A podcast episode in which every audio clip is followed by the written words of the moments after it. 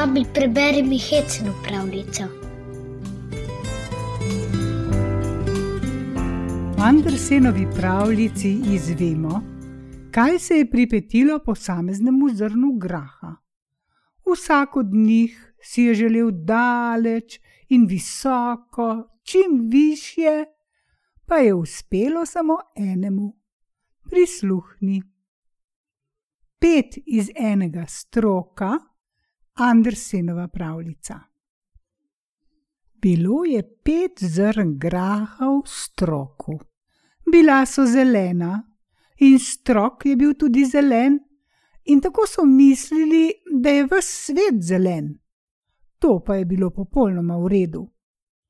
Strok je rasel in zrna so rasla, prilagodila so se pač okoliščinam, vsa so tičala v stroku, popolnoma ravno in v eni vrsti.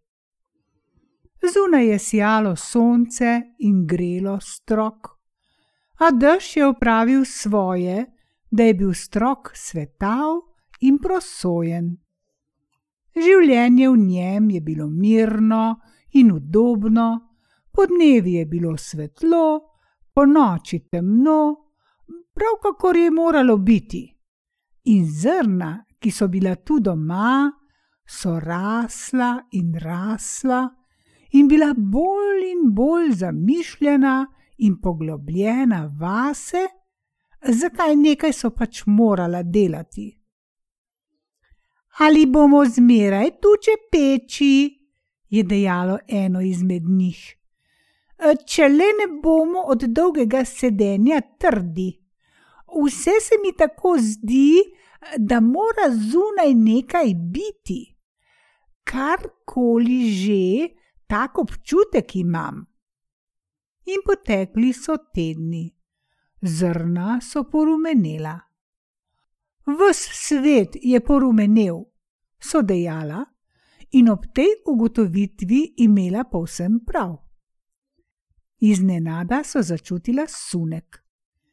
Nekdo je strok utrgal, prišel je v človeške roke in zdrsnil v žep nekega sukniča, in sicer v spremstvu drugih polnih strokov.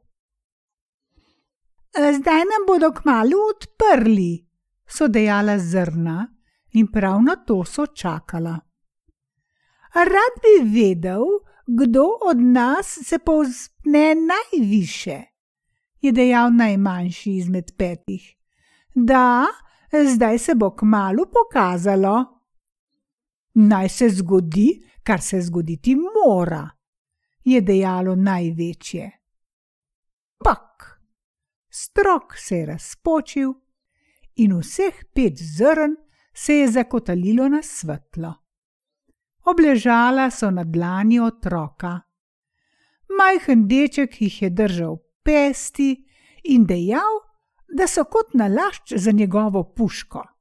In takoj jo je z enim zrnom nabil in sprožil. Zdaj letim v širni svet, ujemi me, če moreš. In ni ga bilo več. Jaz, je dejalo drugo zrno, letim naravnost v sonce. To vam je strok, da je kaj, in prav tak, kakršen mi pristoji. In je izginilo mi dva leževa spat, kamor pač prideva, sta dejala naslednja dva in se bova kljub temu dalje kotalila. Vsekakor sta se kotalila in padla najprej na tla, preden sta prišla v puško, a vanjo sta le prišla. Mi dva prideva najdalj, naj se zgodi, kar se zgoditi mora je dejalo zadnje zrno, ko je bilo izstreljeno. In zletelo je proti stari deski pod oknom podstrešne izbe, naravnost v razpoko, ki je bila napolnjena z mahom in rahlo prstjo, in mah ga je povsem zakril. Tu je zdaj ležalo, res da ujeto, to da nepozabljeno. Naj se zgodi, kar se zgoditi mora, je dejalo. V tesni podstrešni izbi je stanovala siromašna žena, ki je po dnevi hodila snažiti peči, sekati drva in opravljati podobna težka dela, zakaj bila je močna in tudi pridna. Ostala pa je vendarle zmerom siromašna in doma v izbi ji je ležala na pol odrasla edina hči, zelo nežna in rahlega zdravja. Že leto dni je ležala v posteli in zdelo se je, kakor da ne more ne živeti, ne umreti. Toda drobna deklica je ležala potrpežljivo in mirno vse dan v posteli, ta čas, ko je mati hodila za zaslužkom. Bila je pomlad in neke rane jutranje ure, prav ko je mati hotela oditi na delo, je sonce nenavadno lepo posijalo skozi majhno okno in posulo tla s svojimi žarki, da je bolna deklica uprla pogled v spodnjo okensko šipo. Kaj neki more biti tisto zeleno, ki kuka tam le skozi šipo in se pozibava v sapi? Mati je stopila k oknu in ga napol odprla. Ah, je vzkliknila, poglej, zrno graha je, ki je tukaj usklilo in poganja liste. Kako neki je moglo to priti sem v razpoko? Tu imaš zdaj vrtiček, ki naj te razveseljuje. Pomaknila je posteljo bliže k oknu, da je deklica lahko videla zeleneči grah in odšla na delo. Mati, mislim, da bom spet zdrava, je zvečer dejala deklica. Sonce je danes tako lepo, toplo sijalo k meni, grahek tako lepo rase in tudi jaz bom gotovo ozdravela in ustala in prišla ven na sonce. Bog daj, je dejala mati, a verjela ni, da bi se moglo to zgoditi. Vendar pa je raztoči grahek ki je vlil otroku veselje do življenja, podprla s palčico, da ga ne bi zlomil veter. En konec niti je privezala k okenski polici, drugega pa je pritrdila k zgornji stranici okenskega okvira, da bi se grahove vitice imele ob kaj prijeti, ko poženo kvišku in vidice so se veselo oprijele nitke, in lahko si videl, kako je bil grah od dne do dne večji.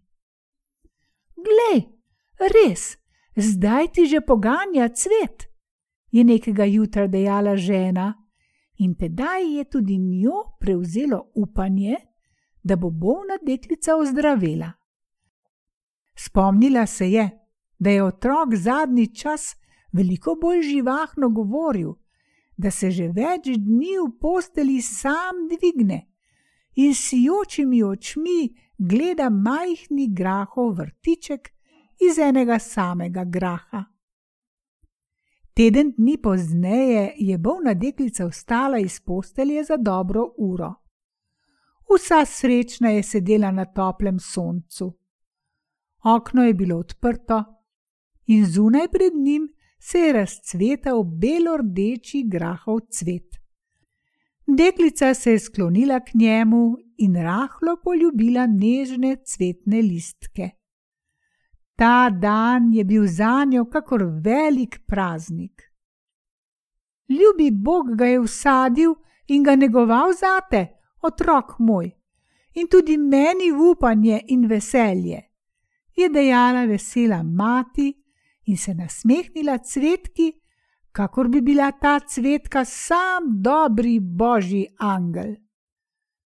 Zdaj pa poglejmo, kako je z ostalimi zrni.